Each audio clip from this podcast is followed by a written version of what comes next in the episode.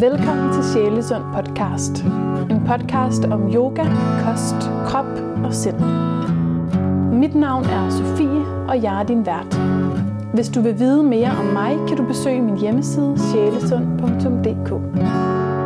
Tak fordi du lytter med. Jeg sidder hos Christine Bunde på Rysgade på Østerbro. Øhm, og vi sidder her i dit soveværelse, Christine, Ja. på gulvet. Og øh, vi skal snakke om strala yoga i dag, primært. Nu må vi jo se, hvor snakken fører hen. Men det er i hvert fald strala yoga, som øh, primært er på programmet, fordi det er noget, der optager dig helt vildt meget. Strala yoga og det, der hedder natural movement, som vi også kommer mere ind på. Ja.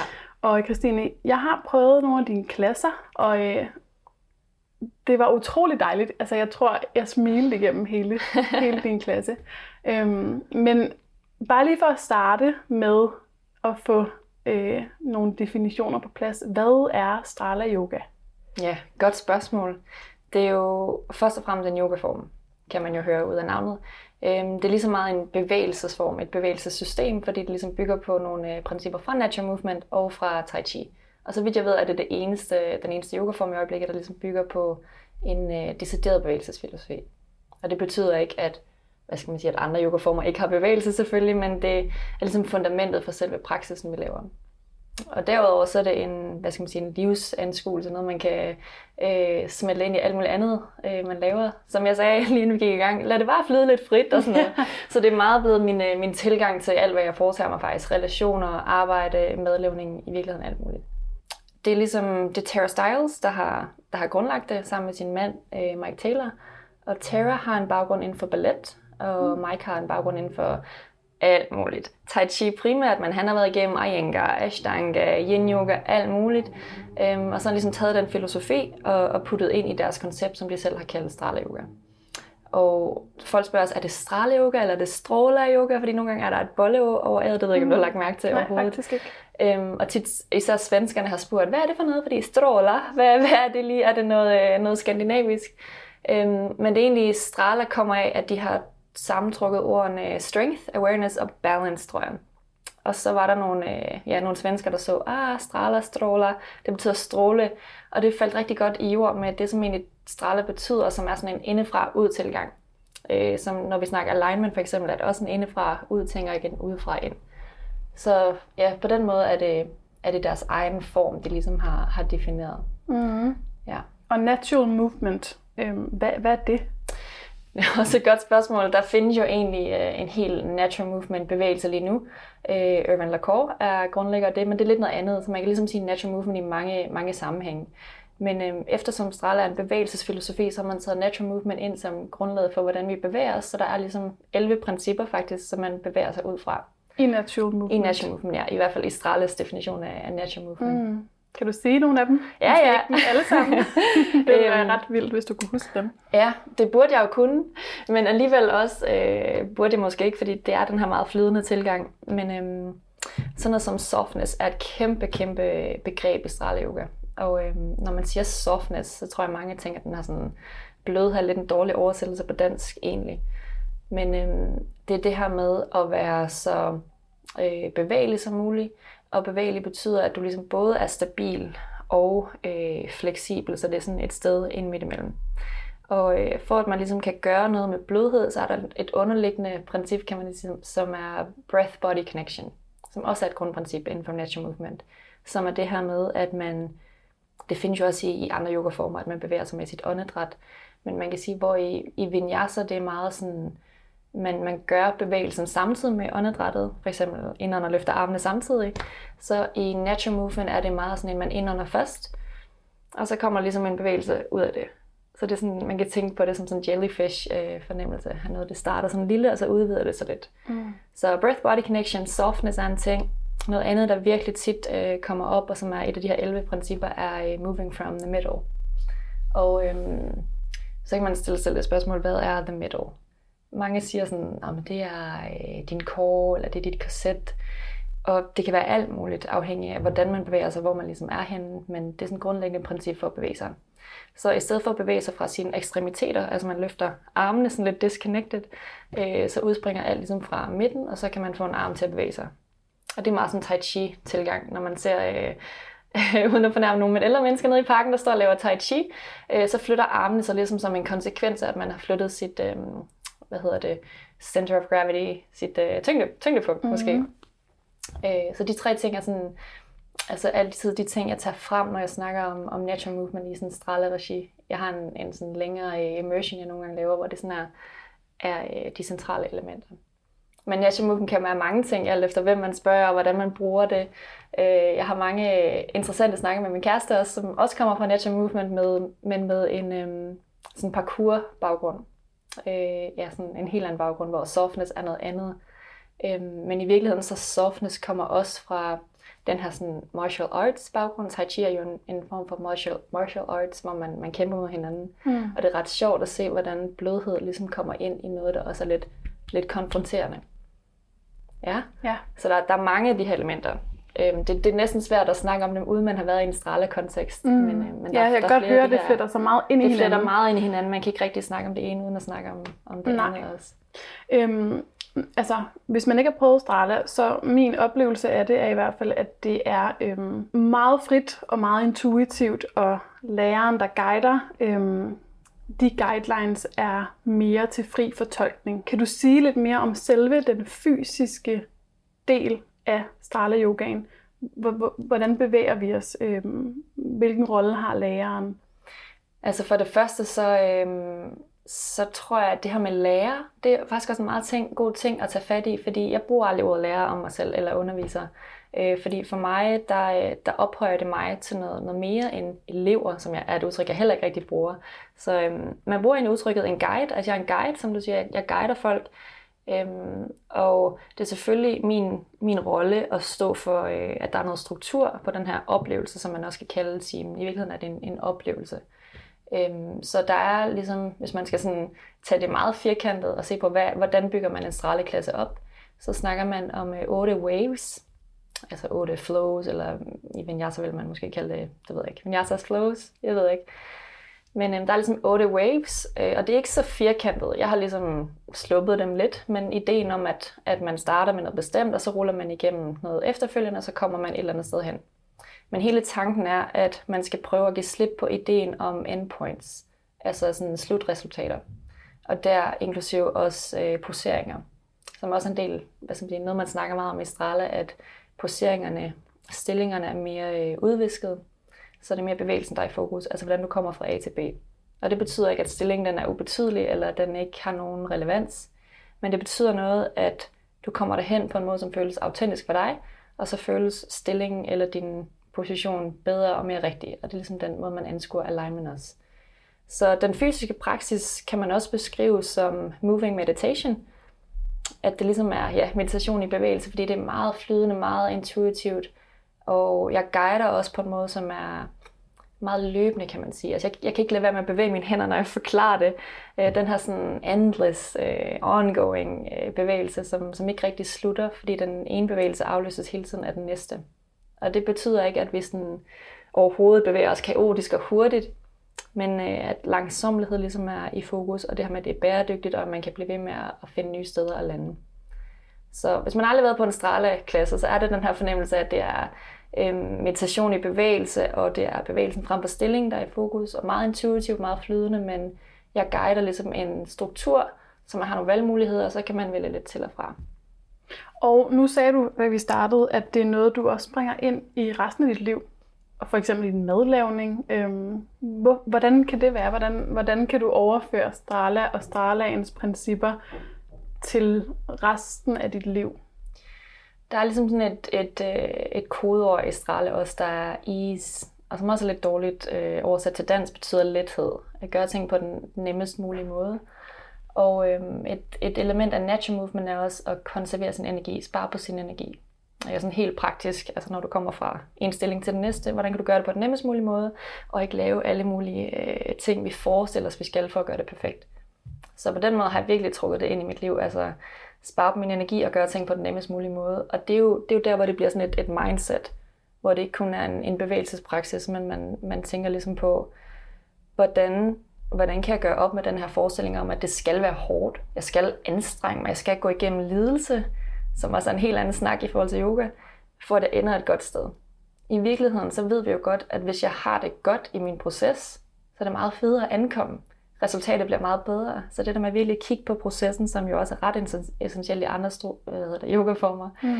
Men det er bare ikke noget, der bliver talesat på samme måde. Så mange af de ting, der bliver i talesat i Strala, har virkelig sådan givet mening for mig, og blandt andet det her med at tilgå ting med, med lethed. Det kan lige så vel være en, i en yoga-setting vil man måske sige, en håndstand er en udfordring. Så tilgå den med lethed, hvordan gør jeg lige det? Det er ikke nødvendigvis at, øh, at gå udenom den og sige, den vælger jeg fra, men, men kig på den, okay, spænder jeg op nogle steder, trækker jeg vejret, hvordan kan jeg gøre det nemmest for mig selv? Det er måske ikke, at jeg først skal legne alle mulige ting, og at jeg skal igennem en masse svære øvelser for at føle mig god nok, men at jeg leger mig lidt rundt omkring det, hvilket også er en del af de 11 principper. Det er leg i virkeligheden. Det er et natural movement princip at lege. Så man kan bruge det i en sammenhæng som at tilgå sin eksamen, eller når man skal til et jobinterview, eller en eller anden gåde, man skal løse. Så virkelig have det som mindset, at det behøver ikke være svært, for at det skal blive godt. Og det har virkelig ændret, hvordan jeg sådan tænker på ting. Mm. Man snakker meget i Strala Yoga om, at, at no pain, no gain. Det er sådan en myte. Altså, no victory without battle. Det skal være hårdt, for det, det bliver godt. Det, det ved jeg ikke, om det især er sådan en ting, der, der florerer i Jylland, om det er sådan en det tror jeg, ting. Jeg tror, det er sådan meget en fitnessmiljø-ting. Ja, det tror jeg også. Fitnessmiljø, men også meget en menneskelig ting, tror jeg. Og det er ikke, fordi vi går rundt og siger, at det er det, jeg tror på, men det er sådan, det, det vokser et eller andet sted inde, inde i os, tror jeg, at øh, jeg skal helst lige have sådan haft øh, tungen hængende ud af halsen, og så har jeg fortjent den øh, badge of honor, der, der er der i, i slutningen. Og det vil Strala gerne gøre op med? Det prøver man ligesom at gøre op med. Øh, og ikke ved at sige, alt er bare let. Det skal bare være let. Nej, nej. Altså, det er jo et redskab til, når du så møder den udfordring, for den er der alle mulige vegne hele tiden. I yoga og alle mulige andre steder i det virkelige liv.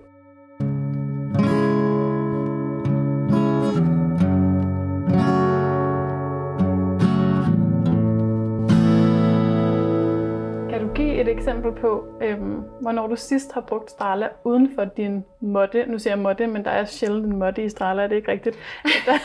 okay, men du forstår billedet? ja, ja. har du, hvornår har du sidst ligesom prøvet at overføre Strala på en, en livssituation? Jamen, det er næsten svært, hvilken jeg skal vælge, for jeg synes, jeg gør det, jeg gør det hele tiden. Øhm, jeg tror, jeg tror, jeg bruger tit det eksempel, da jeg afleverede min bachelor jeg har altid været sådan en klassisk kliché 12 pige, og øh, altså knoklede mig selv øh, alt for hårdt igennem 3.G. Og da jeg så øh, skulle lave min, min bachelor, så var der sådan et eller andet. Det var faktisk før Astrala, det var faktisk inden jeg mødte det. Men der gik det op for mig, at, øh, at jeg har været vant til sådan at skulle presse mig selv ekstra meget. Og jeg skulle presse mig selv, så jeg følte, okay, nu er, nu er jeg virkelig presset. Selvom jeg var det egentlig ikke. Men det var bare sådan en, en mentalitet, der kom et eller andet sted fra. At dagen inden min, min eksamen for eksempel, da jeg skulle aflevere min, eller forsvare min bachelor, var det i virkeligheden. Der var jeg faktisk ikke nervøs. Der var sådan, det kan jeg godt klare, det her det er meget godt. Men jeg plejer jo at skulle have det lidt sådan, ah, når, når der står en udfordring over for mig. Så jeg, jeg psykede faktisk mig selv op til, at det skulle være vildt svært. Og der bliver jeg klar over, at jeg faktisk jeg kan næsten jeg kan vælge min tilgang til tingene. Jeg kan ikke vælge, om tingene skal være lette. Jeg kan, ikke, jeg kan godt vælge at undgå en udfordring en gang, en gang imellem. Men hvis den er der, og den er uundgåelig, så er det eneste, jeg kan vælge, det er min, min tilgang til det. Så der bliver jeg faktisk opmærksom på det. Og så var det først senere hen, at jeg stødte på Strale, hvor jeg var sådan, ah, der er en yogaform her, som giver mening for mig i mit virkelige liv, som ikke kun er en, en isoleret praksis. Og jeg har prøvet rigtig mange yogaformer, øhm, og det skal også siges, det, det er ikke noget med, at, at noget er, er bedre end det andet, men, men der var noget, der klikkede her i forhold til, at der er en praksis, jeg øver mig i en time, eller hvor, hvor lang tid det nu er, og så har jeg ligesom glæde af det uden for, uden for måtten. Og det er også en, en stor ting i Strala. Altså hvis, hvis yoga kun gør dig god til, til yoga, hvad end vi nu definerer det som, så kan det faktisk ikke helt nok. Altså kan det måske ikke det, det i virkeligheden skal. Det skal jo i virkeligheden transcendere måtten at komme uden for, uden for dit liv og gøre dig god til alt muligt. Mm. Så det var, sådan, det var sjovt, at jeg stødte på det inden Strala i virkeligheden. Og nu gør jeg det i alle mulige andre, andre sammenhænge prøver virkelig, altså det, det er mere, det, det er ikke så meget handling, men tanken, at det må gerne være let. Det er også et udtryk, jeg sådan har taget til mig, det må gerne være let. det for, for nogle mennesker er det vildt skræmmende, at det gerne må være let, og det kan virke sådan helt, det er jo helt åndssvagt, at vi synes det. Men øhm, for nogle er det virkelig sådan, og mig selv inklusive sådan, wow, det åbner en helt ny verden. Mm. Jeg, jeg interviewede en, øh, en mand, øh, Carsten Møller, øh, om Aikido, sådan en kampkunstform. Ja.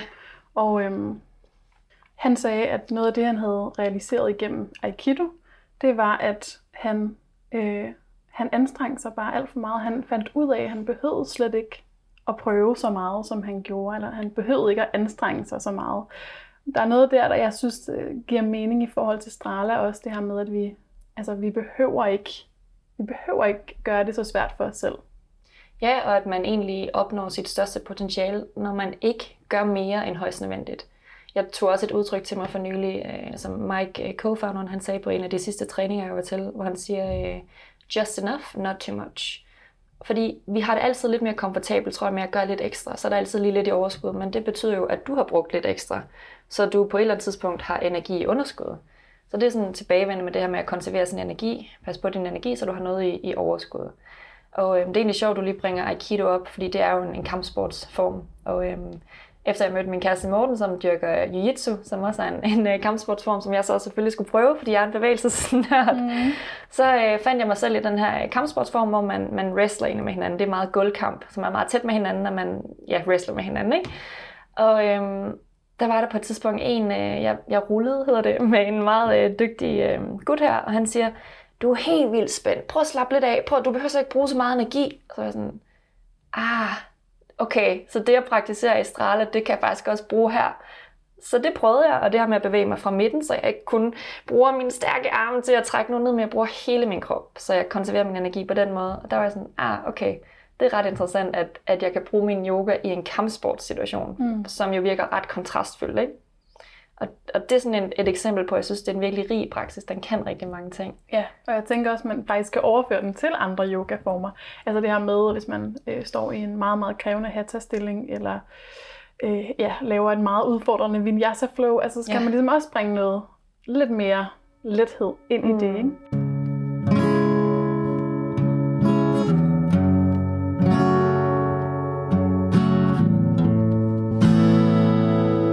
Du skriver på din hjemmeside, Christine, at ja, du skriver, at det tog mig en årrække at forelske mig i yoga. Det tog et øjeblik at forelske mig i Strala. Ja. Hvor, hvorfor det? Og altså, ja, fortæl lidt mere om din proces hen imod Strala. Altså det første, når, når jeg selv lige hører det citat, så er jeg sådan, ja, men det var fordi, det var ligesom at komme hjem. Og øhm, det tror jeg, det ved jeg, det er meget øhm, hænger sammen med, at det er natural movement det her med at bevæge sig naturligt, komme tilbage til det, der sådan er oprindeligt, det, det er sådan en følelse af at komme hjem. Men min rejse med yoga startede egentlig i fitnessverdenen. Jeg har altid været løbepige, jeg har altid godt kunne lide ting, der bankede pulsen i vejret, gammel håndboldpige og sådan noget. Og øh, folk begyndte jo at sige, at øh, du skal også lave noget, der, der er sådan lidt mere roligt og udstrækning osv. Det er altså, jamen, det er jo næsten 10 år tilbage. Og jeg kiggede lidt på det der yoga, og jeg synes, det var vildt intimiderende i virkeligheden synes jeg nok også, det var lidt åndssvagt. Altså, jeg kunne slet ikke se vidusen i det. Det der med at bruge tid på at ligge og slappe af, og jeg synes, det var skræmmende at skulle meditere, og så kommer der tankemøller, alt det her, som jeg så møder i dag, som er de samme udfordringer, folk ofte går med, når de møder yoga første gang. Men så prøvede jeg et, et koncept, der hedder Body Flow, som ah, der var sådan, det var lidt hårdt. Folk svedte lidt, når de kom ud, og alligevel så de ret afslappet ud. Og så tænkte jeg, det er nok en, et meget godt sådan, mix. Jeg får lidt af det hele. Så, så det prøvede jeg, og long story short, så endte jeg med selv at undervise det, som også er en ret blød yogaform, synes jeg dengang. Når jeg kigger på det nu, synes jeg, det er ret stringent, men jeg synes, det er genialt, fordi det ligesom fusionerer lidt den her sådan fitnessverden, men med noget yoga. Øhm, og de siger jo, at det er inspireret yoga, så der er ikke en yogaform overhovedet, men, men det gav mig sådan en indblik i det, hvor jeg tænkte, fedt, det, det, det er meget nice. Og så gik jeg ligesom lidt på opdagelse i alle mulige andre yogaformer. Jeg prøvede yin yoga, astanga, ayanga, bikram. Jeg har været sådan alle, alle mulige hele vejen. Hele vejen rundt. Ja, hele vejen rundt, vil jeg sige. og øh, jeg synes, det var spændende. Jeg har altid godt kunne lide at bruge min krop, og jeg synes, det var fedt, at der var så mange forskellige former. Og det er måske også i virkeligheden det, jeg synes er fedt ved, ved yoga generelt, at man kan finde en, der passer, passer til sig selv. Uden, når så det er sagt, at man behøver at være, nu er jeg ashtangi, nu er jeg den, eller nu er jeg kun vinyasa, eller nu er jeg hatha, eller noget. Man behøver ikke være noget men man kan finde en, en praksis, som, som passer lidt til en. Og så var det egentlig meget ved et tilfælde, at jeg stødte på Strala Yoga, helt tilfældigt ved, at jeg sidder på min computer, kigger på YouTube, leder efter yoga-videoer, som man gør, når man ikke sådan, hvordan skal jeg lige praktisere yoga? Googler yoga, gratis øh, øh, tutorial, et eller andet. Finder et eller andet, sætter den på, og jeg går i gang med at lave yoga. Og så sådan, det er virkelig en speciel måde, hun underviser på, hende er underviseren. Må jeg, må jeg gøre ting på egen hånd? Sådan, ah, det, det føles ret fedt i min krop. Jeg kan også gøre det lidt til mit eget. Øhm, og i virkeligheden var jeg fascineret af det, men også rigtig meget af måden, hun underviste på. Det var som om, hun talte til mig, at det ikke var sådan, hun puttede ikke den her yoga voice på og blev en lidt anden, som, som lidt var den oplevelse, jeg har haft nogle gange, når jeg trådte ind i et rum, at man talte med underviseren udenfor, og så blev vedkommende lidt en anden, når man kom ind og, og sådan fik undervisning. Og hun, øh, hun virkede bare autentisk, selvom det var igennem en computerskærm, og der ligesom var det, den lag, det lag af distance. Og så tænkte jeg, okay, hvad er det, hun laver? Og så gik det op for mig, det var noget, der hed strale yoga, hvilket jeg aldrig havde hørt om. Jeg kendte heller ikke så mange yogaformer. Det kunne, når jeg kigger tilbage, jeg kan se, at jeg har været igennem ret mange forskellige. og så var det altså sådan virkelig tilfældigt, at min kæreste og mig på det tidspunkt, vi skulle til New York. Og der havde jeg set, at de havde sådan nogle øh, mindre weekendkurser. Jeg vidste knap nok, der var noget, der hed teacher training. Jeg vidste slet ikke, hvordan man blev yogaunderviser, men tanken havde lidt strejfet mig, at måske skulle jeg lidt mere derhen af. Især efter jeg ligesom havde prøvet den her yogaform, og jeg tænkte, ah, det, det kan jeg måske godt blive god til, og det at undervise i det kunne også være ret fedt. Så jeg tog det der weekendkursus i New York, to dage, og øh, som jeg skriver, altså det, det tog mig et øjeblik at finde ud af, at det er det her, jeg skal. Jeg havde ingen intention om, at jeg skulle på det her kursus og så uddanne mig og så undervise det. Tværtimod, så tænkte jeg, at jeg tager det her kursus, kigger lige på, hvad der er, og så tager jeg en rigtig yogauddannelse, når jeg kommer hjem. Så tager jeg til Indien og gør det rigtigt. På rigtig vis, ikke? Og alt i må var bare sådan, ja, det er det her, jeg skal. Det er det, jeg skal lave. Ikke som at jeg skal være underviser i det nu, men det er det, jeg skal lave. Det er det, jeg skal lave i mit liv, og så endte det simpelthen med, at, at det var bare så godt til, at jeg var nødt til at give det til nogen. Og så øh, starter jeg lige så stille med at undervise i, i det. Og det er det, du underviser i i dag? Er sådan primært, kan man sige. Nu er det jo, altså det, det har vokset rigtig meget, især, især i den her tid med corona, hvordan jeg underviser og hvad jeg underviser i. Og øhm, også fordi, jeg plejer nogle gange at sige, at jo tættere jeg kommer på strale, jo mere jeg dykker ned i det, jo mere bevæger jeg mig væk fra det. Hvilket jeg synes er, er ret sigende. Øhm, og jeg mener, at bevæge mig væk fra det i den forstand, at det udvider bare min horisont, hvor jeg siger, jo, altså, jo mere jeg ved, jo mere ved jeg, at der er en masse, jeg ikke ved. Ikke? Så det har virkelig fået mig til at udforske alle mulige andre praksiser og tænke på bevægelse. Det var også første gang, jeg ligesom stødte på det her fænomen nærmest bevægelse frem for træning, mm. frem for fitness, frem for øh, noget, der var struktureret og planlagt, men bevægelser i sådan, sin helhed og meget mere holistisk. Så det er, sådan, det er det, jeg primært underviser i, det der, hvor man kan finde mig ude i, i studierne, men jeg underviser i ret mange andre ting, og har også folk en til en, hvor det ligesom er bevægelse, der er i fokus. Mm. og der... det her med bevægelse, altså hvis du skulle ligesom sætte nogle ord på, hvad forskellen er mellem bevægelse og træning, fordi nogen vil måske tænke, hmm, er der en forskel? Mm. Man kan sige, at bevægelse er, hvis man snakker sådan hverdagsbevægelse, det er, jo, det er jo selvfølgelig alt, hvad du laver, når du går, når du går op ad trapperne, når du bevæger dig rundt, når du navigerer rundt i, i dit liv. Men i forhold til en praksis, så kan man snakke om bevægelsestræning, og det, det er der, det bliver lidt svært at, at skælne. Men hvis man for eksempel kigger på fitness, så træner man ofte en bestemt øh, øvelse, som er lidt mindre øh, mm, dækkende. Den er ikke så rig, kan man sige. Den er, med, den er isoleret, det var det ord, jeg lidt efter. Mm. Er, hvor bevægelse, det er virkelig bevægelsen, du træner. Så når jeg for eksempel har folk en til en, så træner vi at dygtiggøre os i at bevæge os. Så på den måde er det funktionelt. Samtidig, der findes jo også funktionel træning, hvor jeg træner med elastikker og svinger kettlebells. Det kan også noget, men det at bevæge sig i sin egen krop i forhold til sig selv, i forhold til andre, i forhold til et miljø, det er en anden måde at, at tænke det på. Det er ret svært at, sådan at, at skelne imellem dem, tror jeg. Øhm, eller i hvert fald definere forskellen. For mig er det ret nemt at skelne imellem det. Men, men bevægelse er for mig en mere sådan holistisk tilgang til, til det at øh, motionere. Det er jo også et helt andet aspekt. Mm. Ja. Og måske handler det meget om at blive bevidst omkring, hvordan man bevæger sig øh, igennem sin hverdag. Ikke? Altså det her med, okay, hvordan går jeg op ad de her trapper, eller hvordan sidder jeg, når jeg arbejder? Eller, ja, altså, lige præcis. Ja. Man snakker også lidt om, at når man praktiserer stræle, så bliver du rigtig god til at åbne en dør også, fordi det er alle de her små ting, altså hiver jeg døren op, eller bruger jeg hele min krop, i virkeligheden så behøver min arm ikke lave noget, jeg kan bare dreje min krop i det her fat i håndtaget, og så følger døren ligesom efter. Så som du siger, altså gå op ad trapper, åbne en dør, når jeg rækker ud efter ting. Jeg konserverer stadigvæk min energi. Når jeg sidder her og taler med dig, konserverer jeg min energi, øh, bevæger mig lidt rundt, så jeg ligesom altid har et, et godt sted at sidde. Og det taler også ind i den her, sådan, jeg tror det var en fys, der sagde det til mig engang, at den bedste stilling er den næste stilling. Mm. Som, som ligesom også siger, at stillingen er ikke uvæsentlig. Den er vigtig, den er, den er god, men det er ikke, der er ikke nogen perfekt stilling. Det er, hvordan du ligesom kommer fra A til B, og hvordan du er bevidst om, hvordan sidder jeg nu, hvordan har jeg det, og hvordan kan jeg også, når jeg så beslutter mig for at skifte stilling, tage mig godt af mig selv i den proces. Ja.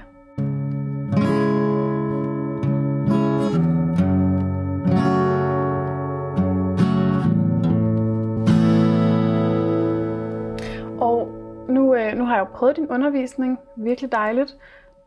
Det, det sådan slog mig virkelig meget den her kontrast imellem at bevæge sig øh, meget frit og hele tiden på en eller anden måde være i bevægelse, frem for at stå meget statisk i en yogastilling eller i en anden træningsstilling. Øhm, og jeg, fik, jeg, jeg kan huske, der var sådan en sætning, du sagde om, at øh, noget med, at øh, hvis du ikke har lyst til at være her, så kan du altid bevæge dig et andet sted hen. Og jeg tænkte i det, du sagde det, der tænkte jeg, at det tapper virkelig ind i en moderne verden, altså vores moderne samfund, hvor vi øh, hele tiden lidt er på vej videre. Vi hele tiden øh, måske multitasker, fordi vi både har en telefon, og så kører vi også på cykel, og vi skal lige holde øje med, hvad der sker i trafikken, og vi laver halve aftaler, eller korte aftaler, fordi vi skal hele tiden være lidt åbne for, at verden ligger åben, og, og den her spontanitet, som vi rigtig godt kan lide som moderne mennesker, vi er hele tiden på vej videre. Er der ikke en værdi i at holde fast i at blive, og netop ikke hele tiden få muligheden for at bevæge sig væk jo, meget, og det er jeg så glad for, at du bringer op, fordi jeg tror faktisk, da jeg stødte på Strala første gang, der var jeg jo vildt betaget af den her frihed, netop fordi det var noget genkendeligt fra præcis det, du beskriver, ikke? Så jeg var sådan, nå, så kan jeg gøre det, jeg kan være her, jeg kan være der. Så pludselig blev det faktisk, det var ikke fordi det, det var hektisk, men jeg var sådan, åh, jeg den her frihed, hvad skal jeg gøre med den? Og så var jeg sådan, ah, altså, så når jeg siger, eller giver friheden til at udforske, eller muligheden for at bevæge sig videre, så siger jeg tit, at man kan ja, udforske. Og for nogen betyder det at bevæge sig væk fra en stilling, for nogen betyder det at udforske, hvad vil det sige at blive. Og det er noget, jeg faktisk meget lægger vægt på nu også, at bevægelsesfriheden, den er der. Det er ligesom meget en frihed til at finde et eller andet, hvor du kan, hvor du kan blive. Bevægelsen er faktisk til for, at du kan finde et sted, hvor du kan lide at hænge ud. Og når du så mærker, mm, okay, nu, nu er det ved at være overstået, så kan du lige bevæge dig lidt hen til et andet sted. Det kan være et helt andet stræk, eller bare justere en lille bitte smule. Så friheden er der virkelig ikke for, at man skal vælge alt og gøre så meget som muligt og gå igennem kataloget, man har stillinger og lige gøre alt det og det og det. Men den er der, så du kan vælge den til og fra.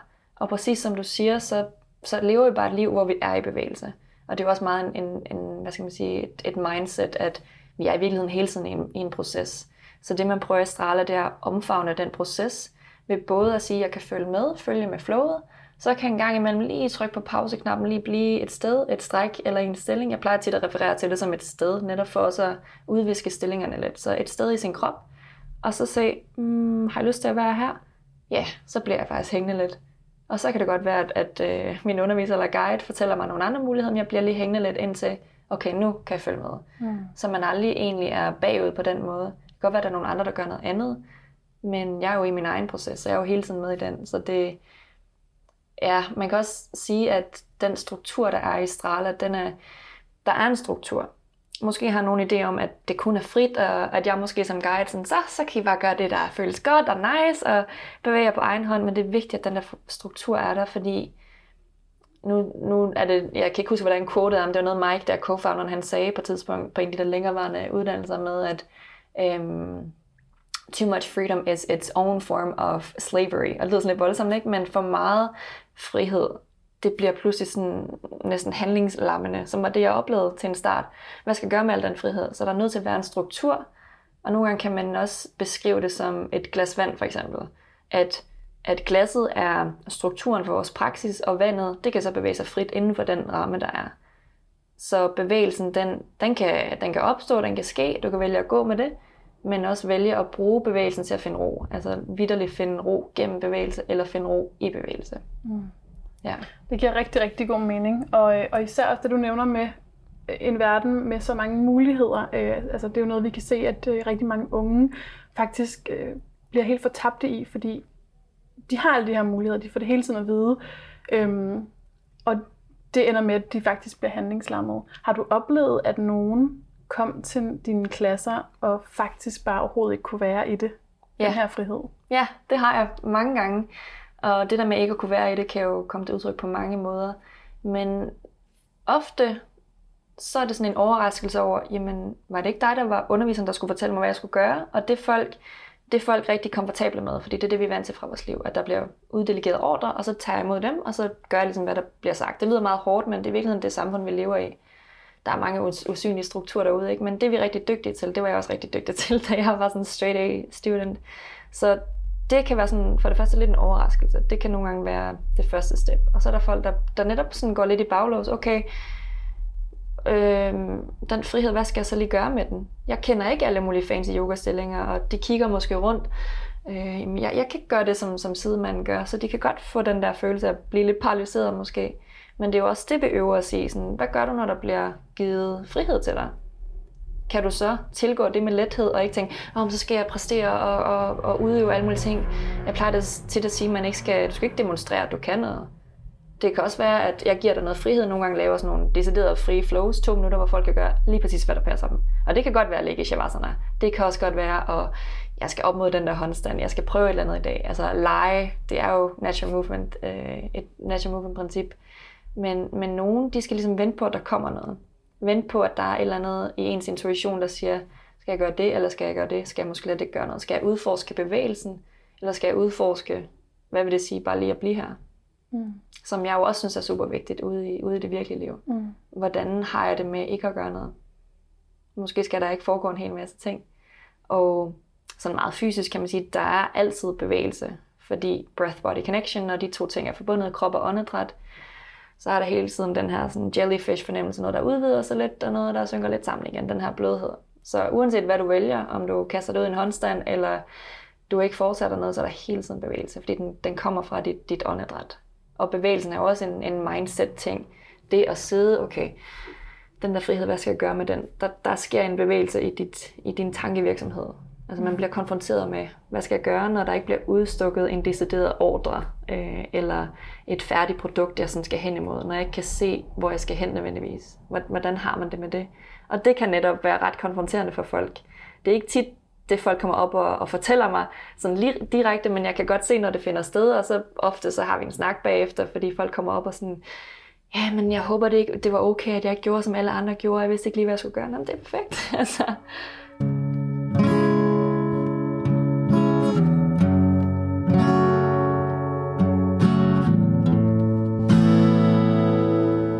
Siger dine deltagere? Ja. Øh, hvad, hvad har du sådan fået af kommentarer det er meget, øh, det er ja, meget forskelligt selvfølgelig. Mm. Noget jeg hører ofte, det er sådan, så kommer folk op og siger, det, det føles lidt som når jeg praktiserer yoga derhjemme. Altså der var noget genkendeligt, som også var den følelse, jeg fik, den der følelse af at komme hjem. Når folk gør det intuitivt og på egne præmisser, så føles det som det har sådan lidt kontinuerlig øh, flow. Moving meditation, altså i hvert fald, det føles ret meditativt, er også noget, jeg får som feedback.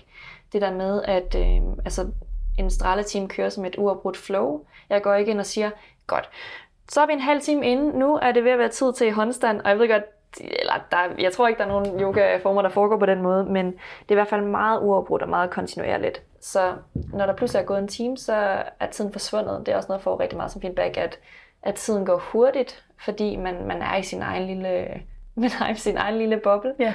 Men også, at det er udfordrende. Det der med, når man, øh, der er meget frihed, jeg, det skal jeg lige lære at være i. Så det, det får jeg også rigtig meget som feedback, at det er, at det virkelig er en, er en udfordring, og det er nyt for dem, den der frihed.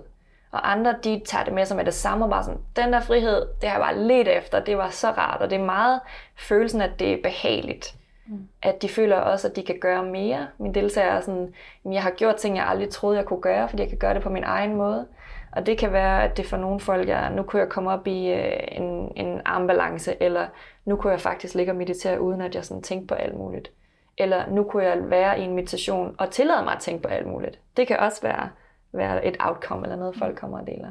Hvordan, ja, hvordan tilgår Stralaen øhm, hele det tankemæssige, eller meditationsdelen i, i yogaen?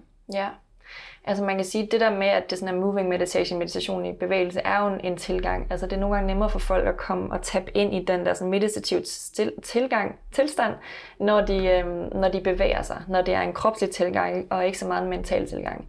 Så den kan man tappe ind i. Og øhm, så ofte til Shavasana og så videre til sidst, så vil jeg ikke sådan køre en, en guided meditation. Det er meget at lade folk helt være.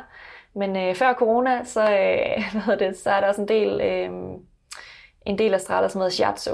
Jeg ved ikke, om du kender til, men mm. som er groft oversagt, oversat en øh, akupunktur med hænderne. Altså den her connection. Og det er ikke, at jeg manipulerer med nogen, eller ligesom skal korrigere nogen, men det er den der sådan human touch, som har en ret, øh, ret god effekt og meget beroligende. Så meditation er også meget på egne præmisser. Det er ikke, fordi jeg har guidet nogen til en højere uh, enlightenment eller noget i den stil. Det er bare den her indefra ud tilgang. Og den kropslige tilgang til det. Så det kan godt være, at jeg dropper nogle hensister her, men det er aldrig en klasse, hvor jeg ligesom tager et tema op og siger, i dag skal vi snakke om taknemmelighed, eller i dag er temaet um, kærlighed, eller hvordan du dealer med ting og sager. Det er meget et sådan clean slate, så der kan komme ting op. Og jeg synes, det kan være fedt at snakke taknemmelighed. Jeg kan også godt lide, at jeg guider også meditationer i andre sammenhænge. Men i Strala er det meget sådan clean slate, fordi det kan godt være, at taknemmelighed ikke lige er det ord, der resonerer bedst med dig i dag, og så har jeg lidt taget oplevelsen fra dig. Så Strala er ligesom ja, clean slate, og det skal være en oplevelse, og jeg skal ikke tegne den eller male den for dig. Så jeg vil heller ikke bruge mit sprog til for eksempel at sige, øh, nu ender når du løfter armene, maler himlen blå og kigger op mod et eller andet sådan. Og, og det er ikke for at latterliggøre det, men det er for at sige, bare det at bruge sit sprog på den måde, det kan gøre, at jeg tegner en, en, et billede af en oplevelse, som du skal tage ind i. Det er vidderligt bare, ikke også en løfter armene og træk vejret. Og så kan man ligesom selv fylde oplevelsen med det, man synes resonerer med en. Det er jo præcis øh, det samme som den fysiske del af, af praksisen, ikke? eller af bevægelsen, at den bliver også overført til øh, det sindsmæssige. Ja. At det er ret frit. Og der bliver ligesom ikke defineret noget på forhånd, eller der bliver ikke defineret en oplevelse, eller ja. Ja, og så der er, jeg kommer til at tænke på det her øh, udtryk, man også taler om i Strala med, at how you move is how you are. Så når du kan infuse noget blødhed, og du kan tilgå ting med lethed, så bliver det virkelig en, en måde at tilgå tingene på, også sådan, som, et, som et mindset. Så, og det er, jo, det er jo også helt ned på neurologisk plan, at når man begynder at få styr på nervesystemet og slappe af, og igen og igen praktisere at gøre ting med lethed, jamen det ændrer nogle connections i, i hjernen, som, og den vil jo gerne ligesom gøre alting så nemt for dig som muligt. Den vil gerne blive dygtig til det, du gør igen og igen og igen.